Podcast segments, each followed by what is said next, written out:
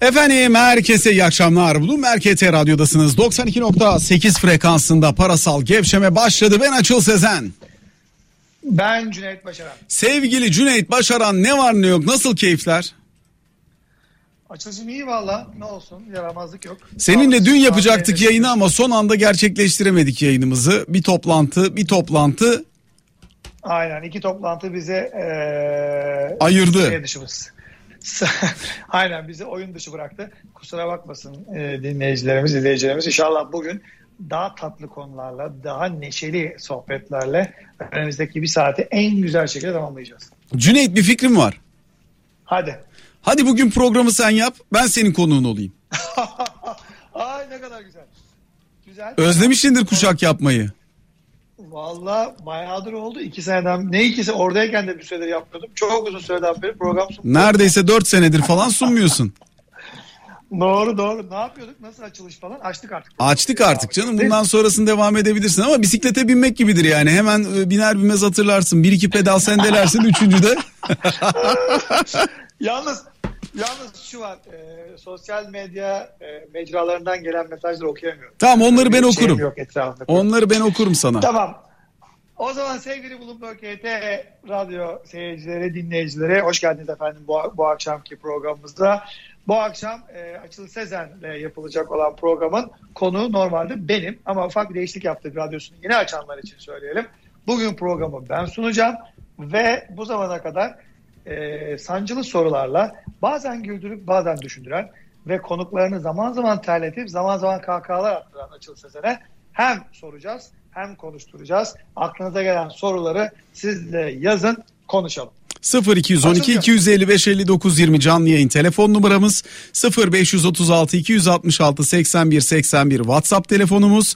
Ayrıca bizlere Bloomberg KT Radyo e, Twitter ve e, YouTube hesapları üzerinden sorularınızı da iletebilirsiniz dedim ben ve şimdi konuk olma Dedi, perspektifine evet. döndüm. Şimdi konu kısmına geçsin. Efendim biraz önce Açıl Sezen'in hatırlattığı üzere e, WhatsApp'tan direkt telefonla arayarak sosyal medya üzerinden Twitter üzerinden ve YouTube'dan sorularınızı iletin, yorumlarınızı iletin. Biz de bu bir saat boyunca konuşalım. Şimdi açıl.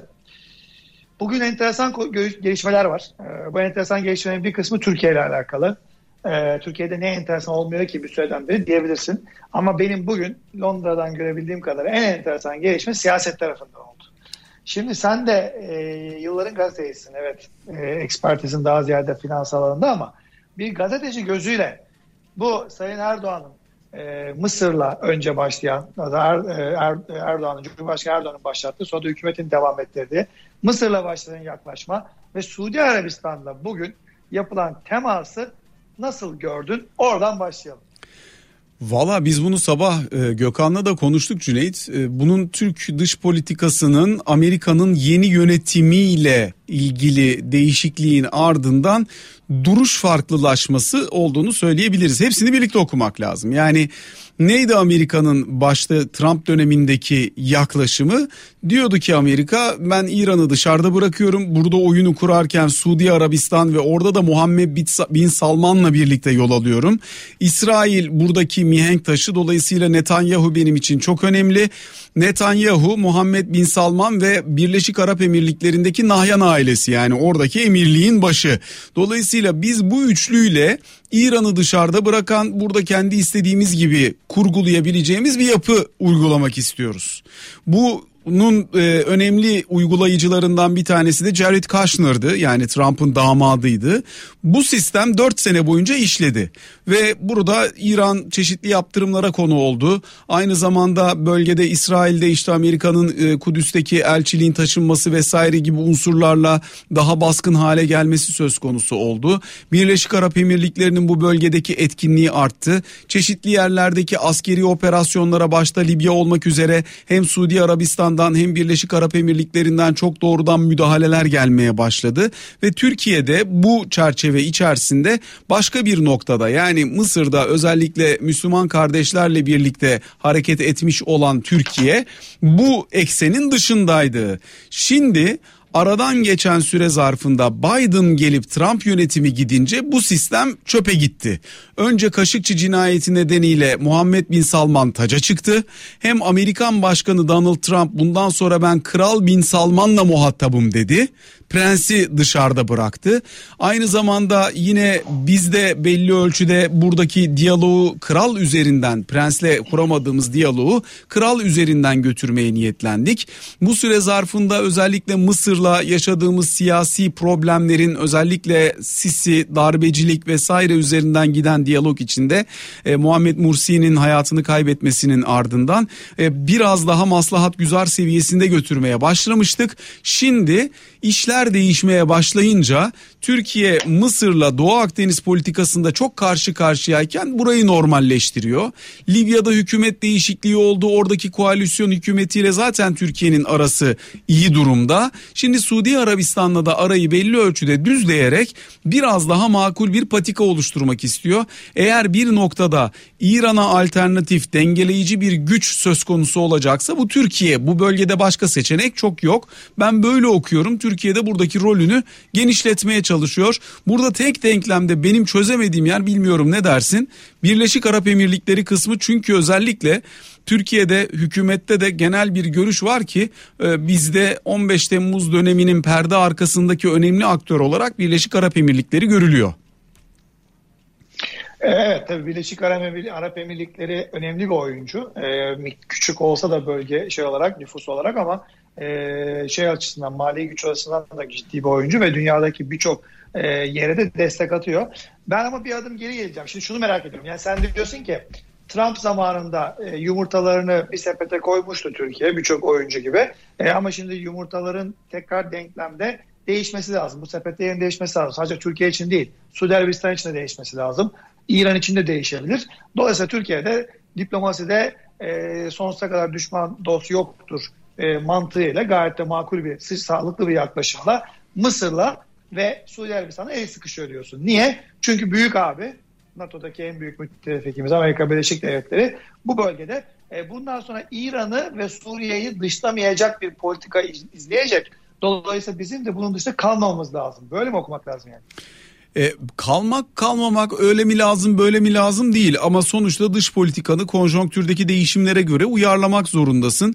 Yani buna şey gibi bakabiliriz. Nasıl ki Covid-19 ortaya çıktıktan sonra muazzam mali destekler teşvikler çıktı. Amerikan tahvil faizleri 0.30'lara geldi. Sonra dönem değişti işler normalleşti. O 0.30'lardan geldik 1.5-2 arasına. Dolayısıyla ne oluyor? Tamam. kendini uyarlamış oluyorsun. Bizde de Uyar. ilişkinin geldiği yer sıfır noktasıydı. Şimdi biraz daha daha yeni ortama uyum sağlayacak bir parametreye dönüyoruz. Peki, peki bir ara soru, bir bonus soru. Ee, ya biz zaten yani sonuçta Amerika Birleşik Devletleri'ne üste koyalım NATO müttefiki. Biz, Suudi Arabistan vesaire falan. Zaten onun altında hani bölgede rolü daha fazla rol oynamak isteyen, gücünü kanıtlamak isteyen ama hepsi aynı çatının altında olan e, bir birliklerin altındaki ülkelerdik. Farklı kutuplarda falan değildik. Ne yanlış gitmişti ki biz Suudi Arabistan, Türkiye ayrı kamplara düşmüştük Trump zamanında? Yani bu bence Trump döneminin öncesine dayanıyor. Türkiye ile Amerika Birleşik Devletleri arasındaki görüş ayrılıkları ta 2013-2014 dönemine kadar geriye götürebiliriz aradaki görüş farklarını. Birçok yerde farklı düştük. Yani ama bunun kırılma noktası bence Suriye politikası oldu. Daha öncesinde de Obama başkanlığı döneminde Obama ile o dönem başbakandı Erdoğan arasındaki ilişkinin bozuk olduğunu biliyorduk. Yaklaşık iki sene görüşme olmadı, iki iki buçuk sene görüşme olmamıştı. Daha sonrasında normalleşilmişti. Özellikle Orta Doğu politikasında başta Mısır, daha sonra Suriye'nin başlangıcı, Suriye'de Türkiye'nin oradaki öngörülerinin o dönem içerisinde gerçekleşmemesi gibi konular 2014-2015 döneminde ilişkileri bayağı akamete uğrattı. Sonrasında da çok fazla problemli e, alan çıktı. Ama en son Türkiye ile Rusya'nın Suriye'deki yaklaşımlarında birbirleriyle daha dengeli götürdükleri ilişki ve Amerika'nın orada PKK, YPG üzerinden vermiş olduğu destek bu ilişkinin kopuş noktası oldu. Peki bu birliktelik bize e, yani daha doğrusu bu birliktelik demeyeyim Mısır'la tekrar ilişkilerin başlaması Suudi Arabistan'la e, yeniden konuşulması, belki Suriye'de e, yeniden Türkiye'nin e, farklı şu ana kadar görüşmediği isimlerle ve e, böyle şeylerle e, ülkelerle görüşecek şekilde masaya oturması e, Türkiye, Rusya, Türkiye, İran, Türkiye, Çin ilişkilerinde aslında Türkiye'nin yerini ve bölgesini seçiyor şeklinde hızlı bir çıkarım yapmamıza sebep olabilir mi? Ya şöyle Türkiye'nin bir Doğu Akdeniz politikası var şu an yürüttüğü ve o Doğu Akdeniz politikası içerisinde Mısır'ın müttefikliği çok önemli. Neden çok önemli? Çünkü Türkiye müthiş bir diplomasi başarısı aslında yapılan şundan bahsediyorum. Genel olarak politika başarılı diyemem ama e, Türkiye'nin Libya ile yaptığı deniz yetki alanları anlaşması müthiş bir diplomatik başarı. Çünkü özellikle İsrail gazının taşınmasında Rum kesimi İsrail ve Yunanistan arasındaki anlaşmanın tamamen önünü kesen bir anlaşma oldu. Deniz yetki anlaşması Türkiye ile Libya arasında yapılan ve bunun üzerinden yürüyen mücadelede Mısır'da Libya'daki muhaliflere Hafter güçlerine destek verdi. Suudi Arabistan'da Birleşik Arap Emirlikleri de. O savaşın finansmanını bunlar sağladılar aslında. Yani Hafter'i orada ön plana çıkaranlar bunlardı. Fakat Türkiye Orada e, hem askeri varlığıyla askeri danışmanlık rolüyle diyelim tırnak içerisinde hem de sağladığı destekle merkezi hükümeti başka bir boyuta taşıdı ve ayakta tutan güç oldu. Şimdi burada artık işin Türkiye'nin istediğinden farklı yöne gidemeyeceği anlaşılmış oldu Doğu Akdeniz politikası içinde ve daha önce Mısır Rum kesimiyle bir anlaşma yapmıştı. Deniz yetki alanları anlaşması. Fakat Rum kesiminin ölçeği çok küçük.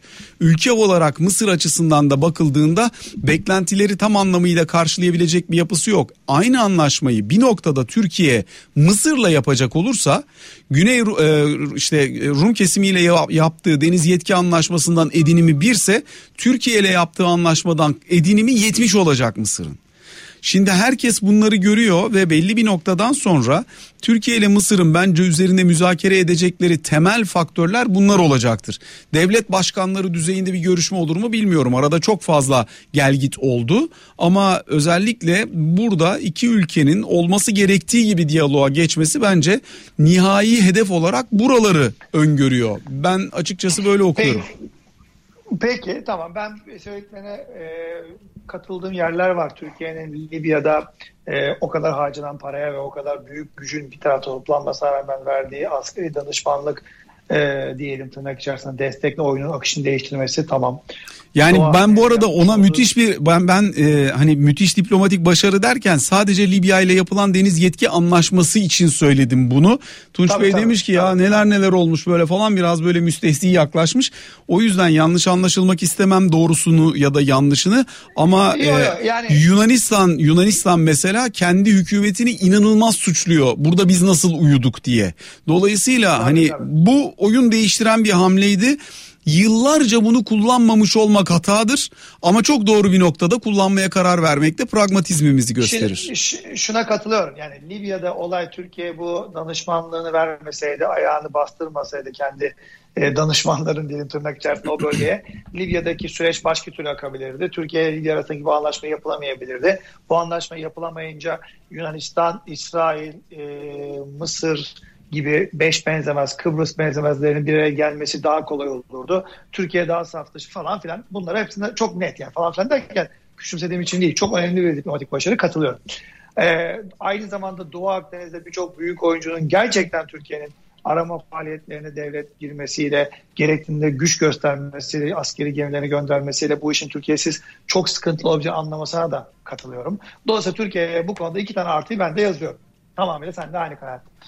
Ve fakat şu soruyu sormak istiyorum. O zaman Türkiye için, Suudi Arabistan için, Mısır için, belki Birleşik Arap Emirlikleri için hani işte Sünni bölgenin lideri olmak ya da Arap dünyası sesi olmak ya da işte bu bölgede bütün oyunları ya da bütün politikaları ben kurgularım demek.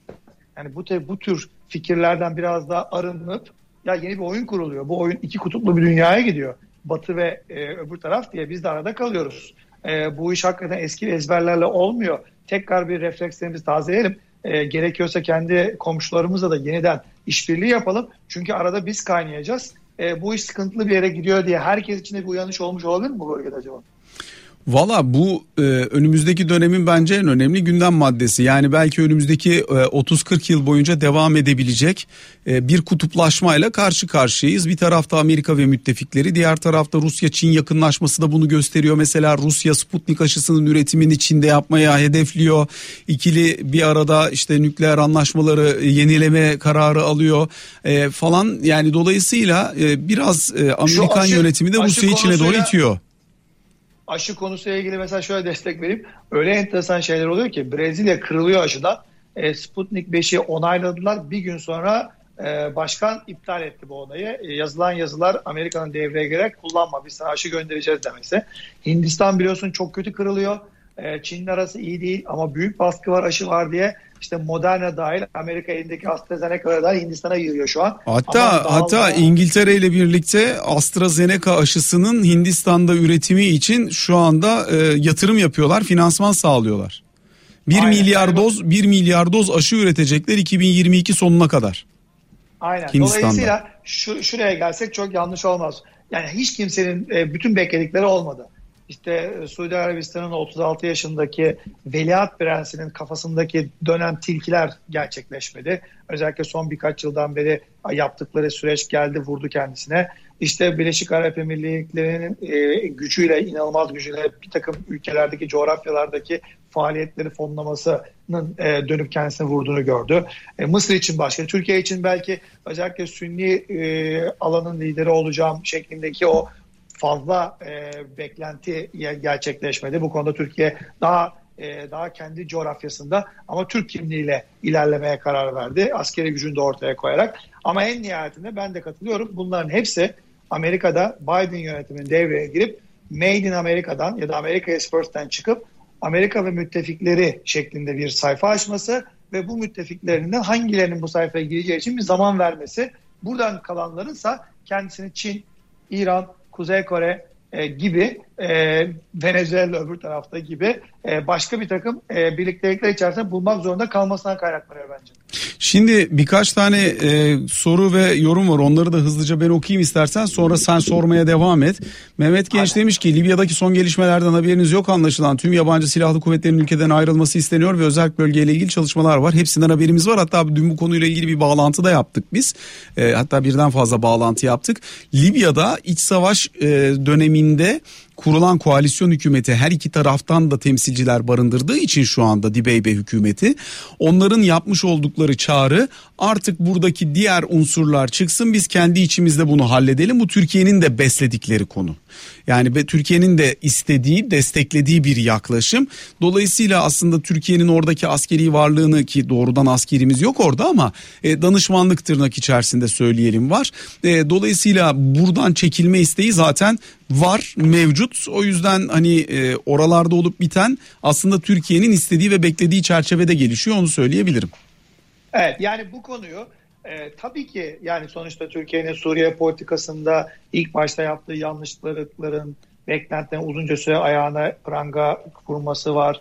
E, işte Suudi Arabistan, Birleşik Arap, özellikle Mısır'daki o işte e, darbe süreci, darbeden sonra Mısır'da gerçekleşen yönetimle daha diplomatik ilişkiler kurulabilirdi konusu var.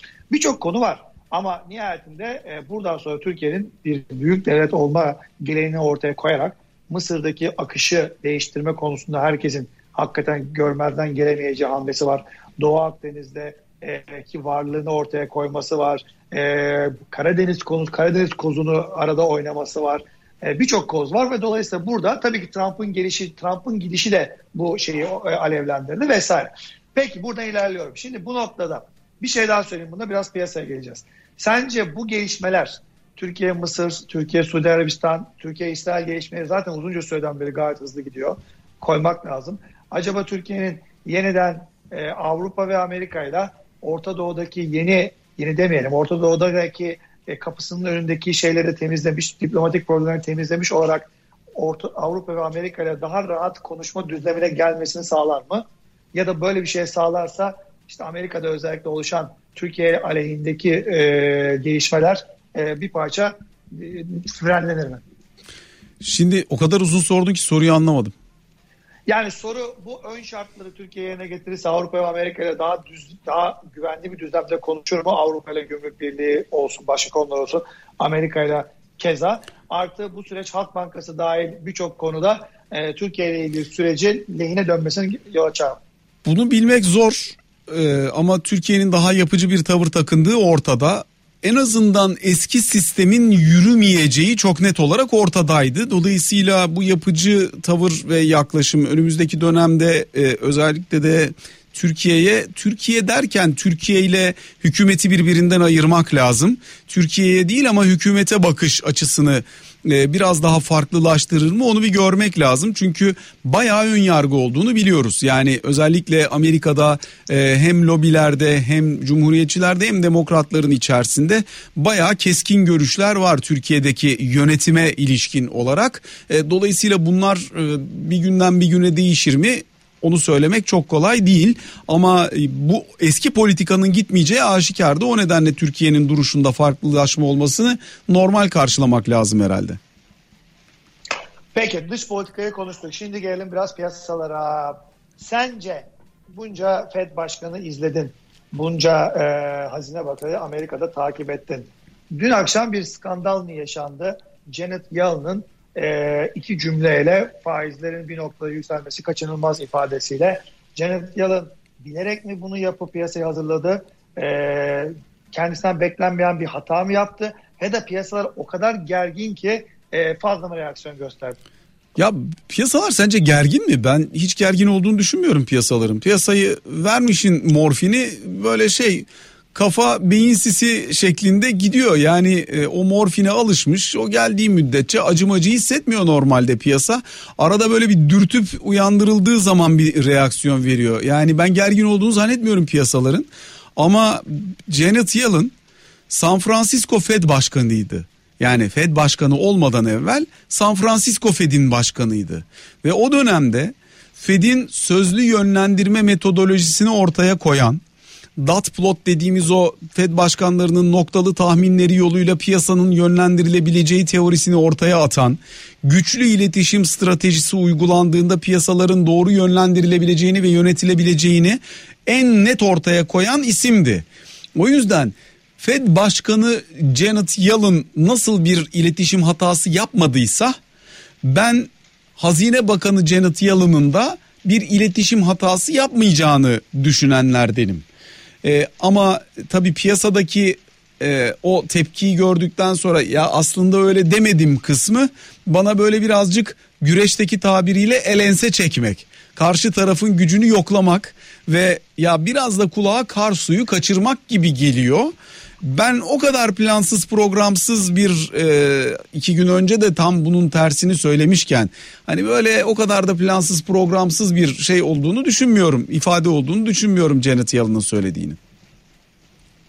Peki Janet Yellen aslında yanlış bir şey mi söyledi? Çünkü zaman vermedi. Bir noktada artacaktır. Artacak tahvil faizleri. Faizler artacak çünkü enflasyon artacak. Yani biz zaten faizlerin arttığını ve daha fazla artacağını enflasyonun da yüzde ikilerin üzerine çıkacak şekilde e, yükselebileceğini biliyoruz değil mi? Yani burada neye şaşırdık biz? Neye şaşırdık? Bunu duymayı o morfin altında olduğu için piyasa. Kafa güzel yani anlatabiliyor muyum? Kafa güzelken suratına soğuk suyu çarpınca bir irkiliyorsun böyle.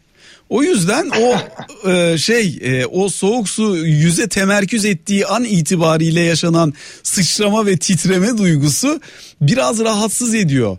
E, ama onun dışında hani e, hakikaten çok fazla para var piyasada. Herkes de pozisyonunu belli ölçüde buna göre almıştı. Bence faiz o 0.30'lardan 1.60 1.70'lere kadar gittiğinde herkes bir kendini biraz konumladı. Konumlamayan yer neresiydi? Bence birazcık hisse senedi piyasası. Orada böyle gelecekte her şey her ama her şey muhteşem gidecekmiş gibi yapılan bir fiyatlama ve değerleme var. Bozulursa orası bozulur bence. Çünkü mesela böyle bir ifadede normalde geçmiş dönemde tahvil faizlerinin nereden baksan bir 15-20 pips yukarı attığını görürdün. Öyle bir şey olmadı. Veya break even'lara yani başa baş faizlerine baktığında hareket var mı? 2 yıllıklarda var 5 ve 10 yıllıklarda yok mesela o hareket. Neden? Hareket olacağını biliyor piyasa ama kısa vadeli olacağını biliyor. Faizin kendini uyarladığını da görüyor. Bence çok ekstra tepki vermiyor. Nerede var? işte hiç yarın yokmuşçasına alım yapılan teknoloji hisselerinde falan oldu. Zaten orada R'yi görünce bugün gene alıyorlar teknoloji hisselerini. Bugün bu senin söylediğinle e, tamamıyla zıttına bir görüş var. E, Omega Advisory şirketinin Omega aile ofisinin sahibi e, Leon Koperman demiş ki ki milyarder kendisi demiş ki e, Fed 2023'e kadar bekleyemeyecek. 2022'nin ikinci yarısında faiz arttırımını göreceğiz. Hadi burası diyelim ki seninle şey çelişmiyor. Demiş ki esas stock market'ta yani hisse senedinde bubble yok. Nihayetinde hisse senedi ekonomilerin büyümesini fiyatlıyor. Belki biraz fazla fiyatlıyor, belki az fiyatlıyor ama bir şey fiyatlıyor. Esas e, büyük şey bubble yani balon tahvil piyasasında orada çok büyük kıyım olacak demiş. E, kıyım olabilir. Amerikan faizi daha yukarı da gidebilir. Fed faiz artırmaya başlayacağının sinyalini verdiğinde başka bir dünya göreceğimiz de aşikar. Yani bu faiz bir buçukta kalmaz. Enflasyon 3'e 3,5'a gidecekse Amerikan 10 yıllıkları bir buçukta kalmaya devam edebilir mi? Ama oraya geldiğimiz noktaya bence daha var. Bilmiyorum sen ne dersin? Yani ya bu ne dersene cevap vereyim. Amerika'da şu an bizdeki tüfe var ya hani 17.20. Evet. Amerika'da bunun karşılığı 2.6. Hı hı. Tamam Amerika'daki hiç kimse buna bakmıyor, etmiyor. Hani bu Amerika'da büyük konu değil ama ortalama Amerikalı vatandaşın enflasyonu %2.6. Amerikan vatandaşı ona bakıyor. Sadece Fed ona bakmıyor. Çek e, Fed, Fed çekirdek hane halka harcamalarına bakıyor. PCE dediğimiz tamam, gösterge bakıyor. Oraya da geleceğim. O manşet tüfe buradaki 17-20'nin karşılığı 2.6. Buradaki 17-20 varken uygulanan faiz 19. Biz yetmez diyoruz. Yani çünkü kurtarmıyor diyoruz. Orada 2.6 enflasyon varken uygulanan faiz 0. Ve son 20 yılda 2000-2020 yılları arasında Amerika'da en yüksek görülen zaten CPI yani tüfede 3.5 olmuş. Şimdi Amerika ona bakmıyor ama aslında enflasyon var. Ya da çekirdeğe gelelim. Çekirdek deflatör. Amerika'da bu ay 1.8'e çıkması bekleniyor. E, Amerika'da en yüksek son 20 yıldır görülen çekirdek deflatörde 2.5 zaten.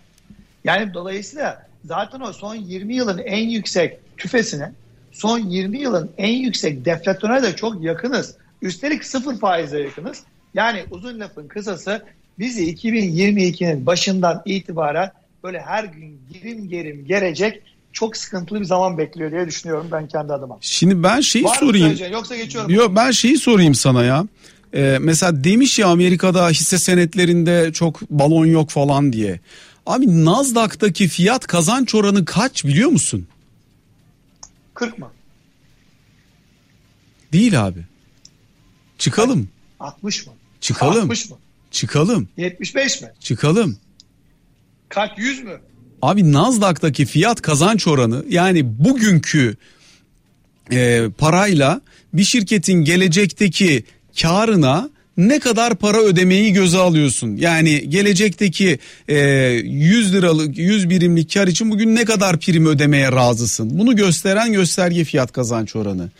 Kaç? 93 abi 93. 93. Tamam, ama Naz ama Nasdaq şimdi Nasdaq Peki. E, Nasdaq hadi peki Sen tamam teknolojiyi sev. Peki S&P 500'den geleyim sana. S&P S&P 500'den gelme. Niye? Neden? Çünkü son zamanlarda Nasdaq'a list olmayıp da S&P'de olan çok hisse var. Yani S&P eskisi gibi finans ve şeyden oluşmuyor. Ee, büyük oranda son 5 ila 7 yılda bayağı ciddi ciddi teknolojiye de bir şekilde el atmış hisseler de geldi. Dow Jones'tan gel bana. Abi S&P 500'ü ben söyleyeyim sonra sana Dow Jones'unu da söyleyeyim. S&P 500'de 30 fiyat kazanç oranı. Yüksek. İşte 30. Tamam. Yani buradaki de, diyebilirsin ki S&P 500'ün içerisinde de etkisi yüksek olan işte Tesla'sı geldi girdi oraya işte şey girdi Amazon girdi falan bunlar yukarı çekiyor ama 500 şirket var orada. Endeks içindeki ağırlıklar farklı falan. Dow Jones endeksinde 30 hisse var değil mi? Dow evet, Jones 30 17, hisse. 15, 15. Orada kaç? 26 nokta 26.3 abi. Oo o da kopmuş. Ya onun için Hani balon var yok ayrı mesele. Bu kadar paranın olduğu yerde bakman lazım. Geçmişle bugünü kıyaslaman lazım. Ama 99 yılında mesela dotcom balonu patladığı dönemdekilerin falan çok üstünde değerlemeler bunlar. Hemen hemen S&P 500'de oralardayız. Nasdaq'ta falan başka yerlere gelmiş durumdayız. Onun için yani diyemezsin piyasa böyle fiyatlıyorsa bunun fiyatı bu okey. Bunu anlıyorum. Ama hani bir yerden eğer ileride risk iştahı bozulup para çıkacaksa orası burası. Yani tahvilde kıyım olacağı görüşüne de katılabilirsin. E, çünkü herkesin elinde de belli ölçüde Amerikan tahvili var. Yani nasıl 0.30'dan 1.5'a geldiğinde yarıldıysa bunların çoğu şimdi başka bir şey olacak. Yani önümüzdeki dönemde bu muhtemelen arada, başka bir şey olacak. Ben bu arada şunu da merak ediyorum. Açıl. Bu konuyu da bununla geçiyorum son soru. E, Amerika'nın toplam tahvil stoğu pandemi öncesinde 16 trilyon dolarmış. Yani meşhur işte bunun 3 trilyonu falan Çin'de vesaire ya. E, işte 1 trilyon Japo- Japonya'da falan filan. E, 16 trilyon dolar bir yıl içerisinde 4 trilyon dolar arttı ve 20 trilyon dolar aldı. Şimdi tahvil stoğundaki artışa bak. Hani bir enflasyon geliyor eyvallah. İki son bir yılda tabii harcanan paraların karşılanması gerektiği için 4 trilyon dolara tahvil stoğu var. Seni destekleyecek bir şey söyleyeyim mi? Şimdi Amerika bu kadar paket paket açıklarsan ki öyle gidiyor şimdi mesela işte bir ay içerisinde 3.1 trilyon dolarlık yeni paket açıklandı değil mi? 3.1 4.1 evet. pardon 4.1 trilyon dolarlık paket bir 2.3 bir 1.8 açıklandı. Şimdi toplam 4.1 trilyon dolar. Zaten geçen seneden bu yana da kamu deliler gibi para harcıyor. Helikopter çeklerden tut bilmem nelere kadar 7 ayrı programla piyasaya para verdiler. Amerikan hazinesinin gelecek hafta yapacağı tahvil ihalesi tutarı ne kadar biliyor musun? Bir haftada 100, 126 milyar dolar. Dolayısıyla yani bu tahvil stoku daha da artacak. Ama, ama orada şöyle bir şey var. İşte tam oraya gelecektim. Şimdi şimdilik bu artan 4 milyar dolarlık 4 trilyon dolarlık tahvil stoğunu Fed gelip düzenli olarak her e, her ay 125 milyar dolar tahvil aldığı için sürekli Fed alıyor. Yani hani zamanında rahmetli Erbakan'ın söylediği bir denk bütçe vardı. Yine Tansu Çiller döneminde Türkiye'de Merkez Bankası hazine arasında böyle bir paslaşma olmuştu bir dönem benim genç bankacı olduğum dönemlerde. Şimdi bundan 20 yıl sonra bizzat aynısı Amerika'da oluyor. Amerikan hazinesi e, Amerika'da siyasi otorite para harcıyor. E, Amerikan hazinesi tahvil çıkartıp borçlanıyor. Kimse almadığı için dönüp Fed alıyor. Yani durum bu. Şimdi şu ana kadar Amerika'da bu iş gitti. Ben soruyorum. Eğer Fed'in faiz arttırımı yeterince cazip bir yere gelmezse ya da Amerikan faizleri yeterince cazip olmazsa Fed durduğu an bu 20 trilyon dolara çıkmış stoğu kim alacak? Yani rol etmeye kalkıldığında. İki, senin söylediğin gibi iki tane yeni paket altyapı yatırım fonu ve aile fonu gerçekten kongreden geçerse bunun için borçlanmaya kalkılırsa gerçi şöyle diyorlar biz bunun üzerine yeniden bir ekstra borç getirmeyeceğiz. Yani 20 trilyon dolar artmayacak. Çünkü burada korp kurumlar vergisini arttırdık, gelir vergisini arttırdık. Parayı buradan toplayacağız diyorlar ama gene de ilk etapta bir önden bir yüklenmek gerekecek.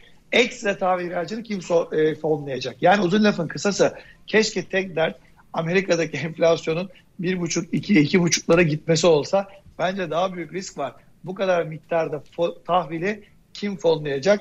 Herhalde Suudi Arabistan, başta olmak üzere birçok ülkenin alması gereken tırnak içerisindeki Amerikan tahvil miktarı artacaktır diye düşünüyorum zaman içerisinde. Yani bu muhtemelen böyle olur ama bir yerden sonra şunu da dikkate almak lazım herhalde. Yani bir yerde FED faiz artıracak ya. Yani 2022'nin evet. sonunda belki bir faiz artırımından bahsediyoruz değil mi? Yani evet, Fed'in evet daha önce bu faizi sıfırlamadan evvel geldiği yerlere bir buçuklara bir yetmiş beşlere gelmesi büyük ihtimalle 2023 ortasını falan bulacak. En iyi ihtimalle. Doğru. Yani buradan şunları falan düşünmek gerekebilir önümüzdeki süreçte. Amerika varlık alım programını azalttı. Arkasından işte bitirdi. Arkasından bir yerde Fed'in faiz artırımları gelmeye başladı. O faiz artırımlarının bittiği yerde Amerika'nın enflasyonu ne olacak? Eğer orada faiz artmaya başlarsa doların gücü ne olacak? Biraz bunlara bakmak lazım herhalde. Bunlara bakarız ama şimdi bizi izleyenler diyorlardır ki ya bırak Amerika'yı bizim derdimiz ne olacak? Türk lirası niye değer kaybediyor? 19'da faiz ödüyoruz. Ee, Amerika'nın 1,5'luk 1,70'lik enflasyonu mu bizi burada bu kadar üzüyor? Ee, Türk lirasının gelişmekte olan ülkelere karşı bile değeri e, değer kaybediyor. Rekabetçi kur, rekabetçi kur dediniz dediniz. Buyurun rekabetçi kur. İhracatçı memnun mu? Ee, doğrudan yatırımlar ülkeye geldi, coştu mu? Para mı giriyor Türkiye'ye? Çünkü bizim TL olarak alım gücümüz eridi de eridi diyor birçok insan. Son bir ay içerisinde Türk lirasının diğer gelişen ülke kurlarına karşı performansına baktığımız zaman Türk lirasının karşısında değer kazanabildiği bir tek para birimi var Kolombiya pesosu. Çok hafifte Meksika pesosu var. Bunların haricindeki yaklaşık 20 küsur gelişen ülke kurunun tamamına karşı Türk lirası değer kaybetmiş son bir ay içerisinde. Şimdi bu bunu bir kenara yazalım. Rekabetçilikten bahsediyorsak e, rekabetçiliği ölçtüğümüz yerlerden bir tanesi reel efektif kur endeksi bizim paramızı ve diğer paraları enflasyondan sıyırıp baktığımızda paramız diğerlerine göre ne kadar ucuz ne kadar pahalı onu gördüğümüz yer. Burada biz şu anda 62.2'deyiz. Nisan rakamı geldi. 62.2'deyiz. Onu bugünkü kurlara yürüttüğümüz zaman yani şu anki 8.30 8.35'lere yürüttüğümüz zaman da kabaca 61.5'lar civarına falan denk geliyor el efektif kur. Bu 100 başlangıç noktası olarak dikkate alacak olursak Türkiye'nin Eylül 2020'deki gelmiş olduğu ilk 8.55'lere gitmişti ya kur. Hemen hemen oralara yaklaşıyoruz demek. Yani paramız çok değersiz. Aşırı değersiz noktada. Bu ihracatı artırıyor mu bilmiyorum. İhracatta rekor kırmaya devam ediyoruz. Bunun içinde kur değersizliği ne kadardır onu bilmiyorum. Ama Türkiye'deki ithalatın maliyetini çok yukarı çektiği aşikar. İhracat için de ithalat yaptığımız için bu bizim ihracattan elde ettiğimiz yüksek karı ne kadar artırıyor onu ölçmek de çok mümkün değil. Bir, bir diğer konuda özellikle Türkiye'de ithal malların fiyatları çok arttığı için başta emtia fiyatları da yükseliyor. Yani bakırı, demiri, çinkosu, çeliği, osu, busu, alüminyumu neyi varsa ithal ettiğimiz emtianın tamamının fiyatı yukarı gidiyor. Kur yükseldiği için de bize maliyeti artıyor. Üretici fiyatların son bir yılda yüzde 35 artmış. Bir yerden sonra bu gelip bizi de vuracak. Ya evet biz ihracata dayalı ekonomik model oluşturalım çok güzel de ihracatçı para kazanacak diye biz de memleket, memleketin e, insanları olarak tavrumar olmayalım. Yani bir doları 8.35'ten bir euroyu 10 liradan bir sterlini 11.5 liradan falan almayalım. Ya evet şimdi gerçekten geçen gün burada da bir arkadaşımla konuşuyordum. Ee, Türkiye'de iyi okullardan mezun, iyi okullardan kastım okumuş, etmiş, işte devlet liselerini kazanmış, Anadolu liseleri kazanmış ya da özel okulları kazanmış, sonra iyi üniversitelerde bitirmiş. Ee, gerçekten içinde başarılı olan kadın erkek milyonlarca insan var ve bunların hayatlarını artık çocukları da oldu bu jenerasyonun. Bizim jenerasyon biraz bir alt jenerasyon. Ee, çocuklar da var. Ne ister bu işte 35-50 yaşındaki insanlar ne ister? Ya işte artık çoluğum çocuğum var onlara iyi bir gelecek bırakayım. iyi okullara göndereyim. Ondan sonra yurt dışına gitsin, dünyayı öğrensin. İşte tatiller, güzel tatiller yapalım. Bir yurt içinde yapalım, yurt dışında yapalım. Ondan sonra işte Türkiye'deki yerleri seyrettiğimiz ya gezdiğimiz gibi dünyayı gezelim e, dünyada olup biteni takip edelim. Değil mi? Bunları ister. Şimdi hangi beyaz yakalı ne kadar geliri olursa olsun bir yurt dışı tatili nasıl yapacak dört kişi Türkiye'den çıkışta ben merak ediyorum. E, ya da eğer yanlışlıkla bir e, veli e, çocuğunun bilgisayarı bozulduysa yeni bir bilgisayar alacaksa o bilgisayarı nasıl alacak? ya da Türkiye'de işte atıyorum bir iPhone, bir Samsung ya Cüneyt, fark etmez. Cüneyt Bunları bak nasıl çok çok gü- çok güzel bir şey söylüyorsun. Yani diyorsun ki ya çocuğuma bir tane laptop almam lazım. Sınava girecek çocuk ya da derse girecek çocuk değil mi? Abi 3 evet. asgari ücret. En düşüğü 3 asgari ücret.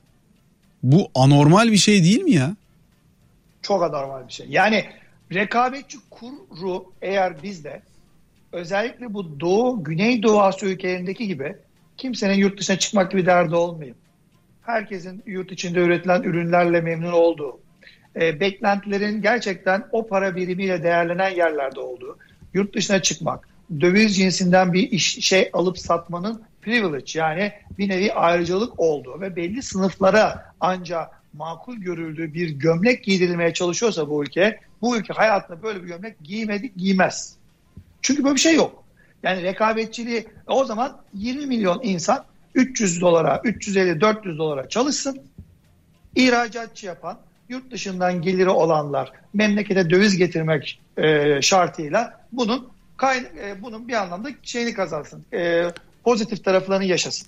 Geri ya. kalan insanlar da daha şeyde yani böyle böyle bir bu Güneydoğu'da Asya'da bile artık yürümüyor. Çin'de bile Vietnam'da yani Vietnam'da Malezya'da bile artık belli safhalara gelmiş vaziyette.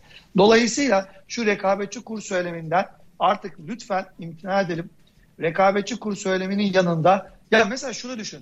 Rekabetçi kurum var ama olmuş lojistik maliyetleri %120, %150 artmış son 7-8 ayda. Senin üretiminin Allah'tan Avrupa çok önemli pazar bizim için. %50 ihracatımız oraya ve karayolu üretim yapabiliyoruz oraya. Geri kalan bölgelere ihracat yapmak sen ne kadar rekabetçi olursan ol. Lojistik maliyetleri almış başına gitmiş. Ham madde maliyetleri almış başına gitmiş. Makine tesisatı yurt dışına bağımlısın gene almış başına gitmiş. Dolayısıyla sen biraz nasıl savunmada, savunma sanayinde çok büyük kafa patlatıldı, harika işler yapıldı. Orada şimdi e, katma değeri yüksek üretim yapabiliyoruz. Nasıl bazı bazı ürünlerde yapabiliyoruz. Ama hala özür dilerim bizi dinleyenlerden ama eğer e, işte inşaatta kullanılan e, işte normal silindir tipi demir çelikten yassı çeliğe geçemediysek ürün kalitesi arttırmak anlamında eğer çoraptan, atletten fason üretiminden çıkıp markalı konfeksiyon üretimine geçemediysek eğer kimyasalı hakikaten ya da herhangi bir bor dahil ham maddeyi ham madde olarak satmaktan, mermer dahil bunu satmaktan bir öte çıkamadıysak bunun ceremesini sürekli rekabetçi kur anlamında milyonların e, rızkından çıkartmamak lazım bence. Aynen öyle. Türkiye bir hizmet ekonomisi ve istihdamın yüzde altmışı e, hizmetler sektöründe. Güney Kore örnek olarak verilip duruyor bizde. 50 milyon nüfusu var Güney Kore'nin. Yüzde 25'i sanayide çalışıyor. %25'i sanayide çalışırken hizmetler sektöründe orada da %75 çalışıyor ama %25 çalışan sanayide çalışan insanın getirdiği katma değer ve kişi başına milli gelir öyle bir düzeye ulaşmış ki %75'lik hizmet sektörünü rahatlıkla besleyebiliyor. Bizde herkes para kaybediyor. Bizde herkesin parasının bereketi kaçıyor. 5 yıl içinde ortalama %12,5 enflasyon üretmiş. Bunu aşağı çekmek yerine bu sene %17,5'lara taşımış olan bir memlekette ister istemez senin yapman gereken şeyi sorgulaman e, sorgulama aşamasına geliyorsun. Şunu tartışabiliriz yani. Bence bir reklama gideceğiz ama gittikten döndükten sonra hızlıca şunu tartışalım Cüneyt. Sen neden düşük faiz istiyorsun? Bütün politikacılar düşük faiz ister dünyanın her yerinde. Neden? Çünkü yatırım artacak, istihdam artacak, refah artacak. Değil mi? Doğru. Bizde evet. de 7 milyon civarında işsiz var. Ne ne yapmak istiyoruz? Bunlar iş bulsun istiyoruz. Hepimizin isteği bu. Fakat 28 milyonda insan çalışıyor Türkiye'de. 28 milyonda insan çalışıyor. Şimdi 7 milyon kişiye iş yaratmak çok doğru perspektif.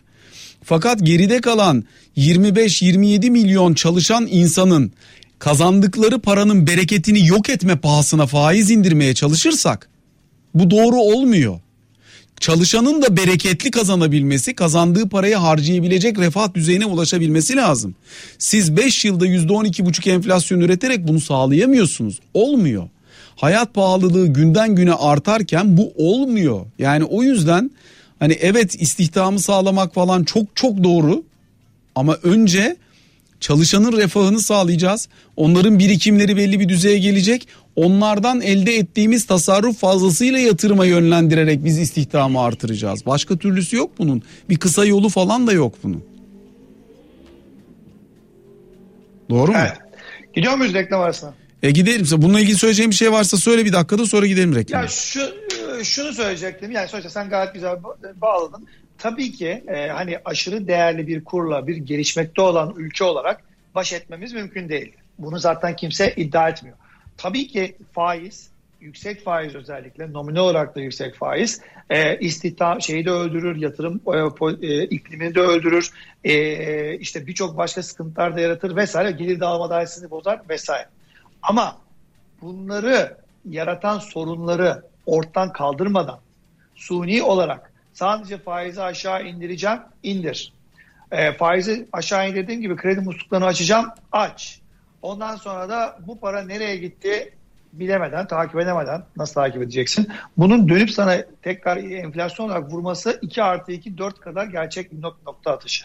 Ve sen sırf içeride iş talep durdu diye, turizm durdu diye biraz daha rekabetçi kurla ihracata yüklenerek getireceğin paranın hakikaten insanların yüzüne bir gülümseme getirmesi de mümkün değil. Yani şu an milyonlarca insan üniversiteden mezun oluyor. Yani yüz binlerce insan üniversiteden mezun oluyor. İşte bir o kadar insan hayata atılıyor ve insanlar hakikaten aldıkları iş bulabildiklerine dua ediyorlar ayrı bir konu. Ama onun dışında bir genç arkadaşa yurt dışından e, tanıştığı bir arkadaşı varsa euro cinsinden, pound cinsinden, dolar cinsinden maaşını karşılaştırmayı aklından bile geçirmiyordur. Geçirmiyordur çünkü konu sıkıntılı bir yere gider. Ama Türkiye için bu hakikaten e, üzerinde memnun olabileceğimiz ya da geçtirebileceğimiz bir konu değil. Genç bir nüfusuz. İnsanların yurt dışına gitmesini istemiyoruz. O aklın burada kalmasını, bu ülkede startupların olmasını, bu ülkenin kalkınmasını istiyoruz. Ama onu da 350 doların altındaki, euronun altındaki bir asgari ücrete ya da en iyi mühendis maaşıyla 1000 doları bulur, 1500 doları bulursan ne hala denilebilecek bir mühendis maaşıyla tutamayız bu arkadaşlarımız. Peki 3 dakikalık reklam aramızı verelim. Bu arada Periskop'tan ve YouTube'dan gelen Periskop yok da artık Twitter var. Buradan gelen soruları hızlıca yanıtlamaya çalışacağız. Sonra kaldığımız yerden devam. Efendim tekrar sizlerle birlikteyiz. Belki ET Radyo'da parasal gevşeme sürüyor. Ben Açıl Sezen. Ben Cüneyt Başaran. Bugünkü programımızda soruları ben soruyorum. Açılı Sezense konuk rolünde. Evet ama e, şimdi bu YouTube'dan ve Twitter'dan gelen soruları bir hızlıca aktarayım ben onları bir Hayır. tamamlayalım. Son 3-4 dakikayı Hayır. gene sen e, sormaya devam et. Az kaldı zaten reklam arasında bir kısmını konuştuk ama e, diyor ki Akın Bey devlet kurumları kendi arasında nasıl kopuk yaşıyorsa aynı kopukluk piyasadaki her sektör arasında da mevcut durumda. Peynir çiftçi de 15 ile 17 lira arasında satılıyor. Çiftçiler aç kessin siz gidin marketlerden işte bir marka vermiş onun beyaz peynirini alın tabii gerçekten peynirse demiş. Küçük üreticiye ulaşamama problemine bir parça değiniyor. Evet ara, aracıların e, biraz yani aracıların çok olmasına ve marketin efektif çalışmamasına daha doğrusu tüketiciden üretici arasında gereksiz bir devir daim olduğundan bahsediyor. Ee, üreticilerin bir araya gelerek bir birlik oluşturarak aynı zamanda tüketiciye ulaşamamasından bahsediyor. Üreticilerin gücünün zayıf olduğu için bir an evvel e, bir sonraki sene hazırlık için elinden para çık yani o ürünü çıkartmak zorunda kalmasından bahsediyor. Bahsediyor bahsediyor ve aslında dese ki ya üretemiyoruz bu ürünü. Brezilya'dan bilmem ne getiriyoruz. İşte Hindistan'dan şunu getiriyoruz. Daha büyük sorunumuz olur. Acı olan şu.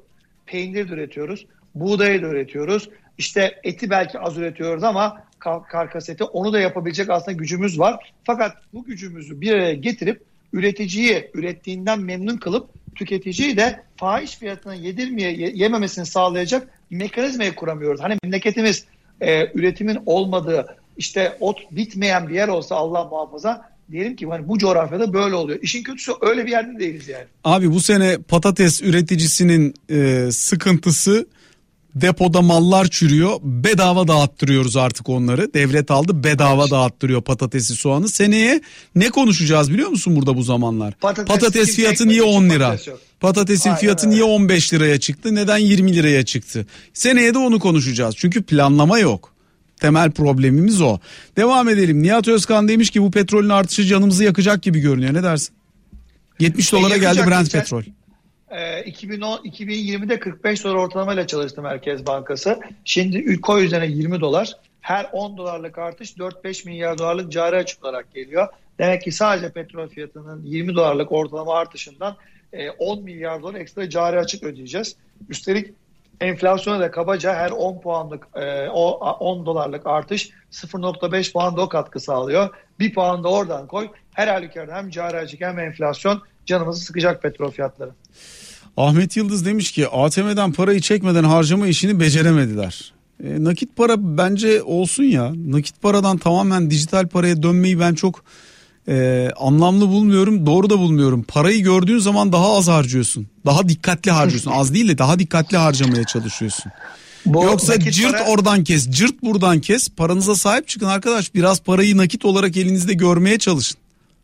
Nakit para e, en büyük nakit para kabusu olan ülkelerin başına Çin geliyor. Hatta bu e-yuan dedikleri e, dijital yuanı da aslında nakit para kullanımını tamamen bitirmek için. Gerçi zaten %80-85 oranında bunlar mobil ödeme kullanıyorlar ve çok yoğun bir şekilde nakit kullanım dışına çıktılar ama gene de nakit kullanımını bitirmek istiyorlar. Neden? Çünkü paranın nereye gittiğini, nereden çıktığını Çin yönetimi Pekin dakika dakika kişi kişi takip etmek istiyor. Bak Alper Ali Bayat demiş ki Cüneyt Bey daha iyi bir Türkiye için öncelikle hangi fikri yıkalım bir hakkınız var demiş Gökhan'ın kitabından hareketle. Ya bir önerim var haftaya Gökhan'ı da alalım. Gökhan sen Hadi. ben yapalım pazartesi günü. Gökhan'ın da kitabından 10 tane hediye edelim. Olur ve hatta bence Gökhan bu kitapla ilgili tam olarak Alper Bey'in sorduğu soru gibi belki hiç o ayıramaz şeylerinden, e, yazarlarından. İyi ama fikir beyan eden kimse onlara verelim. Aynen öyle. O, onu da konuşarak yapalım. Bana var. Gökhan gelirse bekleriz. Tamam ne, ne soruya cevap ver ama. Valla yıkmamız gereken en büyük konulardan bir tanesi bence eğitim alanında, Gökhan'ın da kitabında da bahsediliyor bu. Eğitim alanında e, başı bozuk, başı boş bırakılmış, e, herkesi bir havuzda eritmeye çalışan insanların e, kapasitelerine göre ya da işte gelecek beklentilerine ayrışmanın meslek okulu mu, üniversite mi ya da işte bir uzmanlık alanı mı gibi baştan kurgulanamaması ve milyonlarca Türk gencinin hepsinin prototip olarak bir yerden gidip hatta şimdi üniversiteleri de lisenin uzantısı gibi yaptığımız için otomatikman üniversiteden çıkıp hiçbir şeye uzmanlığın olmaması ya da ilgi alanıyla e, şeyin okuduğu alanın örtüşmemesi gibi sorunumuz. Bence en büyük sorun ve değişmesi gereken alan bu. Ben de kendi yanıtımı vereyim mi? Evet buyurun. Bence Bekliyorum. Türkiye'de bir şey yıkacaksak önce vasatlığı yıkalım. Başımıza işte. ne geliyorsa vasatlıktan geliyor. Bunun önümüzdeki hafta detaylı olarak değerlendirmesini yapalım. Hadi son soruyu sor Cüneyt. Son sorumuz şu Açıl Sezer. Ee, kripto paralar konusunda çok şey konuştuk. Ama arkadaş üzerine bir tane kedi resmi konup şaka olsun diye başlatılan ve gerçekten şaka diye başlayan bir yolculuğun bugün 85 milyar dolarlık bir piyasa değeriyle en değerli dördüncü para birimi olması A işte bütün bu kripto paralar hepsi bu zaten hepsi aynı şey. Bu kadar saçma bunlar. B kripto paraların başına gelirse böyle saçma projeler yüzünden gelecek. Doğru dürüst olan aslında gelecek vadenler var ama öyle saçmalıklar da oluyor ki yaşın yanında kuru dayanacak. C bu kadar çok para basarsanız insanlar üzerinde kedi resmi de olan isterse işte maşrapa resmi olan coin'e de gider bir şey diyemezsiniz. D hiçbiri E hepsi. E hepsi. Katılıyorum. Katılıyorum. Yani o kadar zorlanıyorum ki kripto para konuşurken, blockchain konuşurken çok heyecanlanıyorum. Blockchain konuşmak, blockchain konuşurken ben de çok heyecanlanıyorum. Blockchain teknolojisi bence müthiş bir teknoloji. Gelecekte de hemen hemen her şey bununla değişecek. Çok katılıyorum buna. Bu teknoloji içerisinde yatırım yapan şirketlerin finansman modeli olarak buldukları token modeline de çok makul bakabiliyorum belli başlı konularda. Fakat bunların hepsi doğru gitmeyecek. Hepsi e, iyi gitmeyecek. Bir kısmı yıkılacak, bir kısmı yakılacak. Bana bu kısmı işin biraz dotcom balonunu hatırlatıyor açıkçası. Yani oralarda da bir kasa bir, bir masa şirketlere inanılmaz değerlemelerle fiyatlamalarla falan gidilmişti. Sonu hüsran olmuştu. Ama e, yani burada bir toptan redçilik ya da e, hani toptan kabulcülüktense aklı selim yaklaşımın daha doğru olacağını düşünüyorum ben. Ya Dogecoin şey hani saçmalık. Hiçbir şey yok Aynen arkasında. Öyle. Gerçekten hiçbir şey yok arkasında. O saçmalık Aynen. yani. Use, useless ya İngilizcesi hiçbir işe yaramıyor. Şimdi dersin ki Ethereum'un e, Ether'i atıyorum işte 3000 3400 dolar yapar mı? Bir tartışma konusudur. Ama Ethereum platformunun işte decentralized finance denilen merkezi olmayan finans platformlar nasıl yatkın oldu? Stable coin, coin denilen arkasına bir şey bir şey bağlanmış olan coinlere ne kadar uyum sağladığını, dünyadaki birçok sektöre ne kadar uygun olduğu başka bir konudur. İşte Bitcoin bütün sıkıntılara rağmen, bütün e, arkaik yapısına rağmen e, bazı yerlerde çok ciddi bir şekilde tanınmış olması, işte artık üzerine anlam yüklemesi ayrı bir konu. Falan falan. Ama Dogecoin nedir ya? Nedir? Yok ki yani öyle bir şey yok ki yani. Hani Bitcoin için bunu söyleyemezsin, Ethereum için söyleyemezsin, Ripple için söyleyemezsin. Çoğu için söyleyemezsin yani. Hani bayağı var çünkü e, arkasında teknolojisi bayağı. olanlar. Bunlara yatırım yapmakta hiçbir sakınca yok fakat Dogecoin nedir abi? Nedir yani? Ya, Bence şey bu ha. Bir yerden sonra Elon Musk'ın kendi entelektüel zevkini tatmin için değerini şişirdiği bir saçmalık bu yani. Başka bir şey yok. Evet ama yani gerçekten şey olacak. Yani hani e, bu konuda e, ben e, Özgür'ü Özgür Demirtaş Hoca'yı e, takip edenlerden bir tanesiyim. Birçok insan, insan gibi. Bu konuda çok daha çok da iyi isimler vardır ama Özgür'ün geçenlerde çok güzel bir videosunu seyrettim.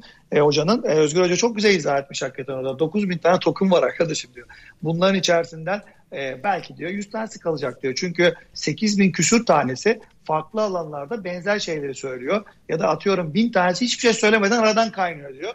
E, o yüzden büyük bir şey gerektiriyor. Sabır gerektiriyor, titizlik gerektiriyor. Aynı Türkiye'de mesela birçok işini yapan doğru kripto exchange'i varken işte bilmem neyi yarı fiyatına veriyoruz. Şunu yaptığınızda bunu yapıyoruz gibi bir takım kampanyalara girip adı sana duyulmamış yerlere seçmek yap, yanlışlığı yapılması gibi coin token yatırımı yapılırken de iyi düşünmek lazım e, diyorum son söz olarak.